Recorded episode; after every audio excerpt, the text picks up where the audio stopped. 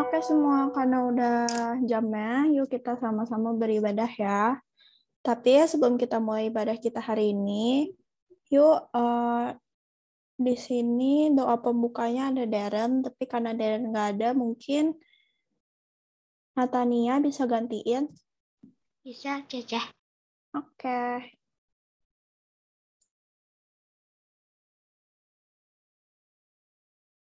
Yuk, Natania bisa mulai. Ya, Ceh.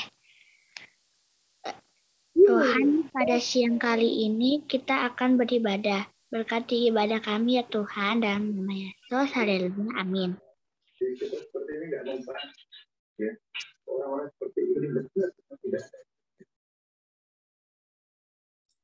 Oke, bentar ya.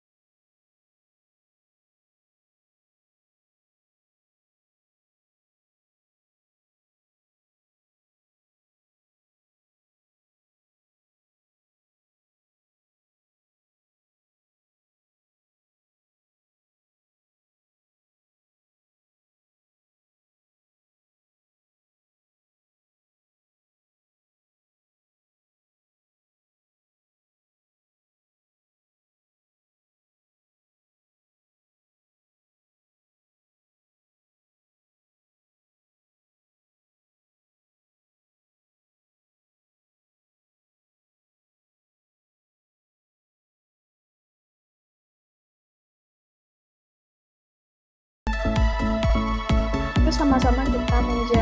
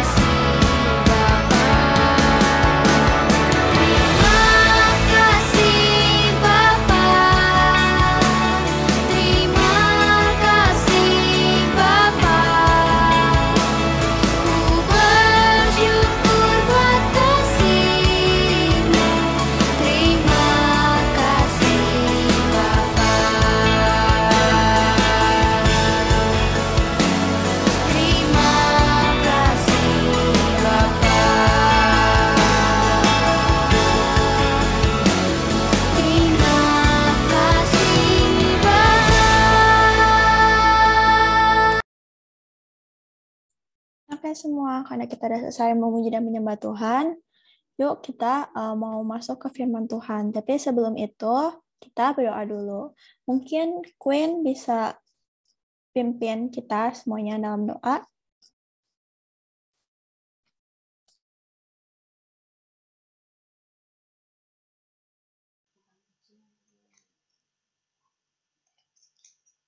Terima kasih Tuhan karena Engkau sangat baik dan hari ini kita mau beribadah, mau bermu- mau, mau mendengar firman Tuhan dan memuji Tuhan Yesus. Tuhan Yesus berkati kakak-kakak growers dan growers. Tuhan Yesus, Engkau sangat baik. Tuhan Yesus, Bunda berdoa haluya, amin. Amin. Makasih ya, Queen. Oke, untuk selanjutnya, aku serahin ke Civel. Oke, sebentar ya.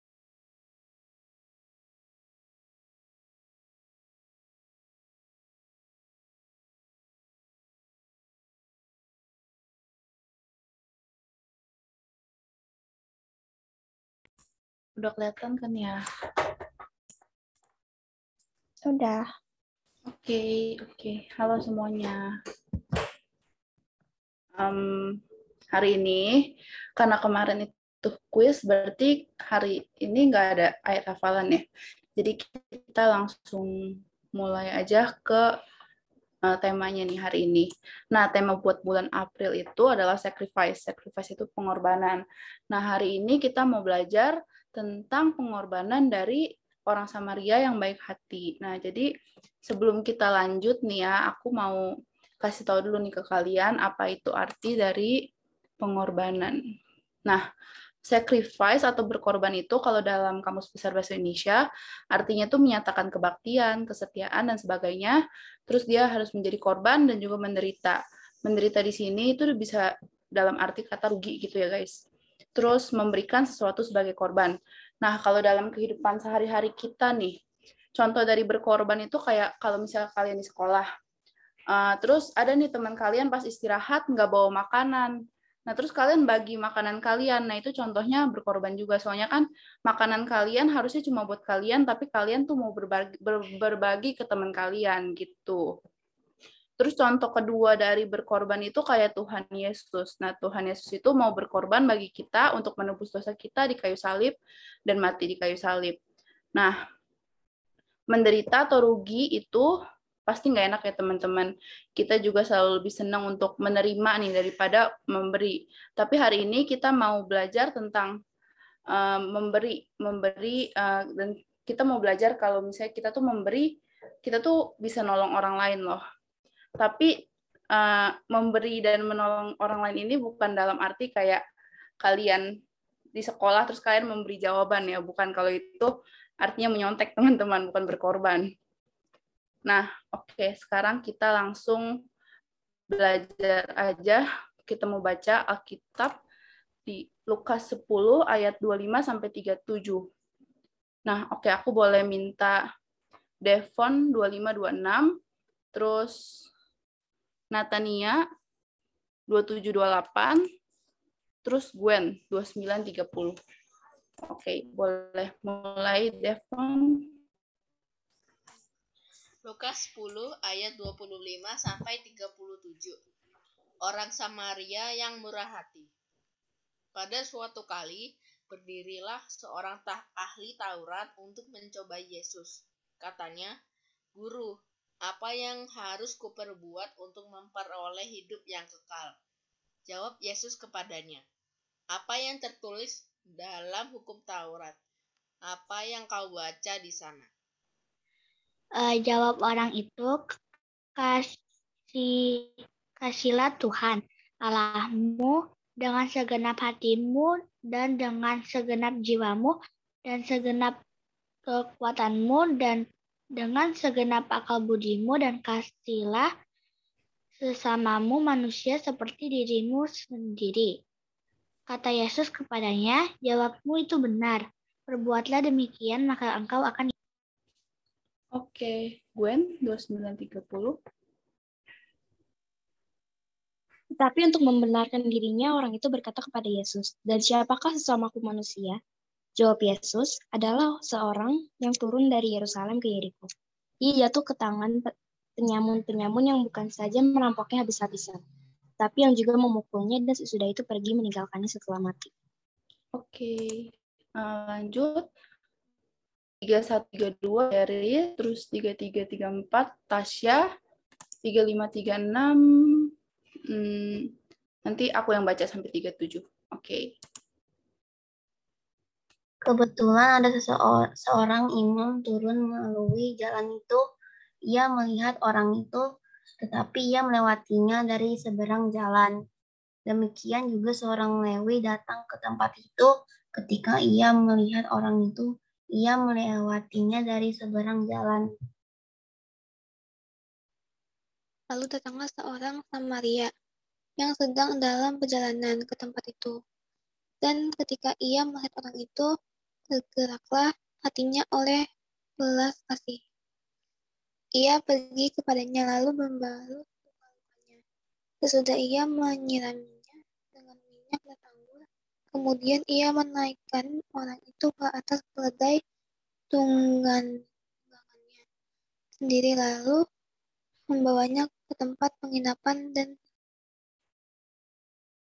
Oke, 35. Keesokan harinya ia menyerahkan dua dinar kepada pemilik penginapan itu. Em, katanya, rawatlah dia dan jika kau belanjakan lebih dari ini, aku akan menggantinya waktu aku kembali. 36. Siapakah di antara ketiga orang ini menurut pendapatmu adalah sesama manusia dari orang yang jatuh ke tangan penyamun itu? 37. Jawab jawab orang itu, orang yang telah menunjukkan belas kasihan kepadanya. Kata Yesus kepadanya, pergilah dan perbuatlah demikian. Oke, jadi uh, aku mau mengulang lagi nih cerita dari Lukas 10 ayat 25 sampai 37 ini. Oke, aku mulai ya. Jadi oke, ini itu adalah yang di sebelah kiri itu adalah ahli Taurat. Nah, dia itu nanya nih ke Yesus, Yesus bagaimana sih caranya untuk mendapatkan hidup yang kekal? Nah, sama Yesus tuh ditanya balik ke si ahli Taurat ini, um, apa sih yang ada di uh, Alkitab? Apa sih yang dikatakan oleh Alkitab? Nah, terus si ahli Taurat ini dia menjawab nih, Kasihilah Tuhan Allahmu dengan segenap hatimu dan dengan segenap jiwamu dan dengan segenap kekuatanmu dan dengan segenap akal budimu. Dan kasihilah sesamamu manusia seperti dirimu sendiri. Nah, Yesus bilang, tuh yang kamu jawab udah benar. Nah, tapi dia mau nanya lagi nih, sesamamu manusia itu siapa sih? Nah, karena Yesus ditanya begitu, Yesus buat kayak sebuah cerita gitu nih, perumpamaan. Nah, perumpamaan itu tentang orang Samaria yang baik hati. Oke, jadi perumpamannya itu suatu ketika nih, jadi ada uh, orang orang dari uh, Yerusalem, dia turun mau, menuju kota Yeriko. Ini orang Israel ya guys. Terus di tengah jalan uh, dia tuh dirampok oleh se uh, seorang perampok gitu dan semua hartanya diambil, semua hartanya diambil. Terus bukan cuma hartanya doang yang diambil, tapi dia tuh juga dipukulin sampai dia tuh kayak sekarat gitu jadi kayak pingsan di jalanan gitu nah ini dia gambarannya di pingsannya di jalan nah terus um, pokoknya dia udah mau hampir mati. Nah lalu uh, dari pas dia pingsan itu ada tiga orang nih. Satu dua tiga. Oke kita bahas yang pertama dulu. Yang pertama itu ada seorang imam nih, dia melewati jalannya, dia ada di seberang jalan, tapi dia tuh nggak bergerak untuk menolong. Nah, terus yang kedua ada uh, orang Lewi. Jadi dia itu melewati jalan, tapi sama juga nih dia nggak menolong orang itu, nggak menolong orang yang dirampok dan hampir mati tersebut. Nah, yang ketiga ada orang Samaria. Nah, orang Samaria ini menolong orang tersebut, dia mengobati, terus dia um, kasih penginapan ke orang tersebut, pokoknya dirawat sama dia. Nah, menurut kalian nih, siapa sih sesama manusia itu dari ketiga orang ini? Aku mau minta tolong siapa ya? Devon deh, Devon buat jawab. Aku ntar pilih dua orang. Sesama sesama manusia itu maksudnya kayak orang yang menolong, orang yang baik gitu ya. Oke, coba Devon hmm, pilih dari satu, dua, tiga. Menurut Devon yang mana sih yang sesama manusia itu? Yang ketiga. Oke, yang ketiga menurut Devon ya. Terus kalau menurut Evelyn nih, Evelyn. Aku belum dengar suara Evelyn dari tadi. Menurut Evelyn yang mana nih? Yang di antara ketiga orang ini, yang menurut Evelyn itu sesama manusia? Satu. Yang pertama, oke. Kalau menurut Natania, coba Natania. Satu, dua, tiga. Yang mana menurut Natania yang sesama manusia? Eh, yang dua, Ceh. Yang kedua. Oke. Hmm, Oke, sekarang aku langsung lanjut aja ya ke jawabannya. Jadi em, yang kata Yesus sesama manusia ini adalah yang ketiga. Oke, jadi Devon yang benar ya. Oke, kenapa sih eh, Yesus bilang kalau orang yang ketiga ini, orang Samaria ini sesama manusia? Karena orang Samaria ini tuh mau menolong orang yang pingsan ini.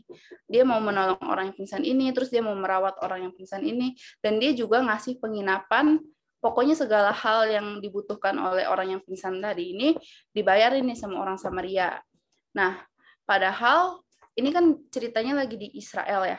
Jadi eh, orang Samaria ini kalau misalnya sama orang Israel itu orang Samaria ini kayak dibenci soalnya eh, em, dia itu kayak eh, bukan penduduk lokal gitu kayak gimana ya eh, orang Samaria itu nggak berdarah murni Israel. Jadi dia itu merupakan eh, hasil dari perkawinan campuran antara orang Israel dan juga penduduk lokal di bagian utara. Jadi dia itu orang Samaria itu menduduki Israel bagian utara. Sedangkan orang pertama sama orang kedua ini merupakan orang asli Israel yang mereka tuh malah nggak mau menolong sesamanya orang Israel. Nah jadi eh, kata Tuhan orang Samaria ini adalah yang sesama manusia.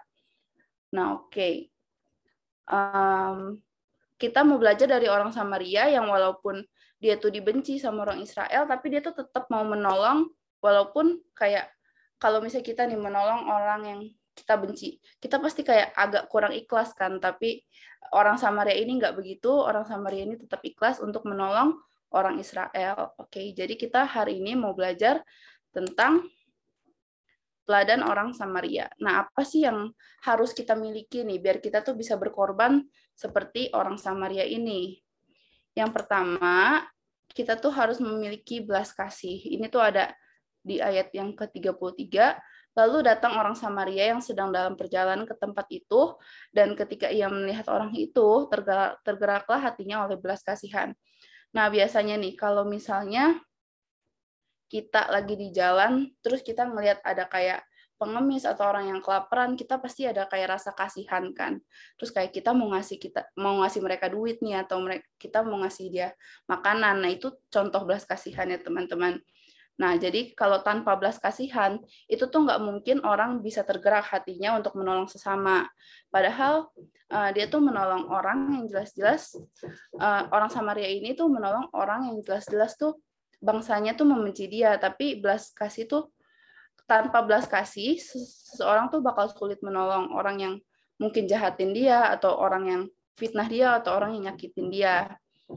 Nah, karena rasa belas kasih ini orang Samaria tadi tuh bisa menolong dan bisa uh, meneladani apa yang Yesus uh, apa yang Yesus teladani gitu, apa yang kayak Yesus mau manusia buat berbuat. Nah, orang Samaria ini tuh bisa meneladani itu. Misalnya kayak menolong orangnya, menolong orang yang sedang sakit, menolong orang yang sedang kesusahan. Nah, contohnya kayak tadi ya, orang Samaria itu mau menolong walaupun orang yang sakit itu sebenarnya itu orang Israel yang benci sama dia gitu. Nah, terus yang kedua, orang Samaria ini memiliki kemurahan hati. Ini tuh ada di ayat ke-34 sama ke-35. Ia pergi kepadanya lalu membalut luka-lukanya sesudah ia menyiraminya dengan minyak dan anggur. Kemudian ia menaikkan orang itu ke atas keledai tunggangannya sendiri, lalu membawanya ke tempat penginapan dan merawatnya. 35. Keesokan harinya, ia menyerahkan dua dinar kepada pemilik penginapan itu. Katanya, rawatlah dia dan jika kau belanjakan lebih dari ini, aku akan menggantinya waktu aku kembali. Nah, teman-teman, dia tuh uh, selain belas kasih, selain orang Samaria itu punya belas kasih, dia tuh juga hatinya itu sangat memiliki kemurahan hati gitu ya teman-teman. Nah, tanpa kemurahan hati, nggak bakal ada juga orang yang mau menolong orang lain yang uh, benci sama dia. Nah, ini artinya tuh berkorban. Jadi dia tuh berkorban demi orang yang benci dia itu nggak nggak mudah ya teman-teman. Nah, uh, ketika pada zaman itu tuh minyak sama anggur itu merupakan hal yang mahal gitu, yang berharga. Nah, ada juga dia bilang em, dia tuh menyerahkan dua dinar di ini yang di ayat ke-35. Keesokan harinya ia menyerahkan dua dinar. Nah, dua dinar ini merupakan upah dia selama dua hari. Jadi kalau misalnya pada zaman dulu eh, satu hari itu orang kalau kerja bakal dikasih gaji satu dinar. Nah, kalau misalnya dia ngasihnya dua dinar, berarti kan itu kan gaji dia selama dua hari ya. Nah, dia tuh memberi gaji dia selama dua hari secara cuma-cuma buat orang yang dia tolong, yang bahkan tuh benci sama dia gitu. Uh, dan dia juga bilang kalau misalnya uh, belanjanya lebih dari ini, dia bakal ganti. Berarti dia tuh kayak sangat ikhlas. Dia tuh hatinya tuh sangat baik gitu ya teman-teman. Nah, jadi selain dia ngasih dua dinar sama dia ngasih em, lebih dari itu, lebih dari dua dinar itu, dia juga bantu si orang yang sakit ini buat membalut luka-lukanya, buat ngobatin luka-lukanya dan pasti lukanya itu parah banget soalnya kan dihajar sama perampok gitu ya. Oke.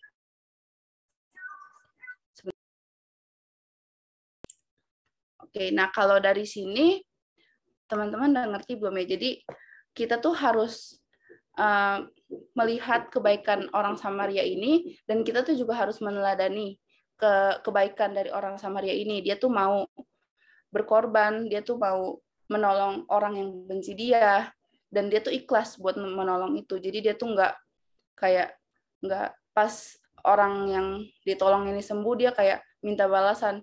Eh kemarin gue udah ngobatin ngobatin kamu loh. Ayo mana gitu balikannya gitu enggak ya.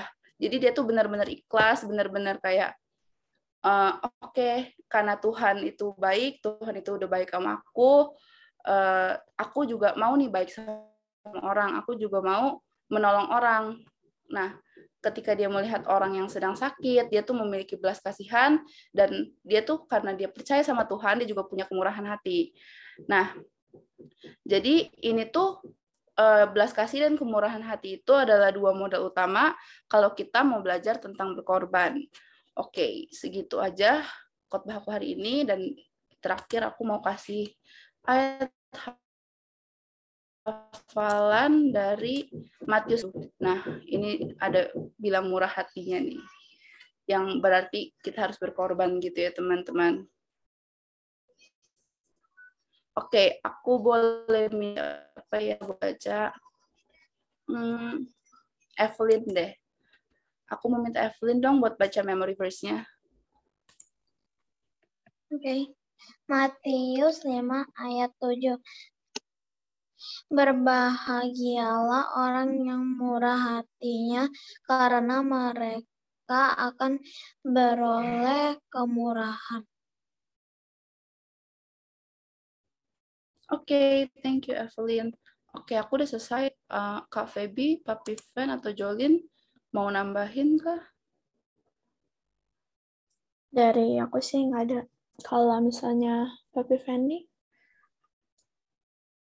dari papi juga nggak ada. Kayaknya udah bagus ya. Cuman ya itu aja yang tadi jangan lupa eh, mulai hari ini eh, ayat hafalan itu berlaku untuk semua ya. Jadi teachernya juga harus belajar. Papi juga mesti belajar. Nanti yang ditanya bukan cuman apa? Cuman growers aja. Nanti grow teachersnya juga ditanyain Matius 5 7. Ayo ya. Gitu ya. Oke itu aja dari papi. Thank you Cece Felis, Cece Jolin. Kak Feby, ada yang mau ditambahin?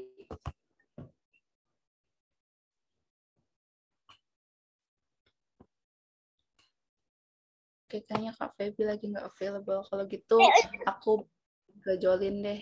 Thank you semuanya. Makasih Cifali sudah bawain renungan, eh renungan, firman pada hari ini. Oke. Eh, kakak-kakak dan teman-teman grower semua boleh doain aku nggak Eh, nanti bulan Mei Devon mau ikut eh, Olimpiade Science. Wih, Olimpiade Science. Oke, nanti yang bakal uh, tutup doa kita, Evelyn. Nanti mungkin Evelyn bisa sekalian doain Devon ya, kakak Devon. Yuk Evelyn bisa buka dalam doa.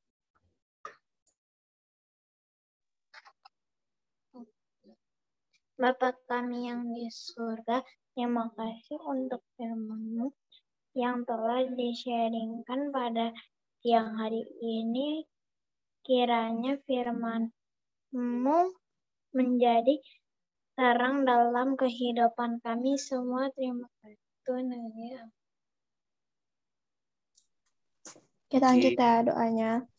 Eh, Tuhan juga mohon kira Tuhan berkati teman kami Devon eh, yang akan menghadapi Olimpiade Science di bulan Mei nanti. Mohon kira Tuhan berkati Devon supaya ia bisa mengerjakan semua soal-soal yang ada dan juga bisa menang Olimpiade tersebut ya Tuhan. Terima kasih ya Tuhan dan dalam Tuhan Yesus telah berdoa. Amin. Amin. Oke, thank you growers, thank you Cici Jolin. Kita foto dulu ya. Sorry papi baru pulang. Bisa dibuka kameranya? Siapa nih yang ngefoto? Oke, Tania udah, Koko Devon udah, si Eris udah, Gwen udah. Oke, yang foto ini co-hostnya ya. Jocelyn sama Jolin nih yang foto. Tapi Fendi kata Evelyn suaranya putus-putus. Hah? Suara papi putus-putus. Bukan katanya Mungkin suaranya putus. Evelynnya lagi nge-lag gitu. Oke, oke, oke, nggak apa-apa. Doanya bagus kok. Oke, semuanya sudah standby. Cece Gwen sama Cece Jolin ya yang foto ya. Oke, silakan dikasih kode ya, Cece Jolin. Oh ya, Gwen mungkin bisa screenshot gak? Bisa bisa. Oh, oke. Kode, kode. Oke, aku aja ya. Satu, dua, tiga. Satu, dua, tiga. Oke deh. Makasih ya Oke. semuanya. Happy Selamat Sunday, growers. Thank you. Terima kasih. Bye-bye. Thank you, dadah. God bless, Bye. growers. Bye.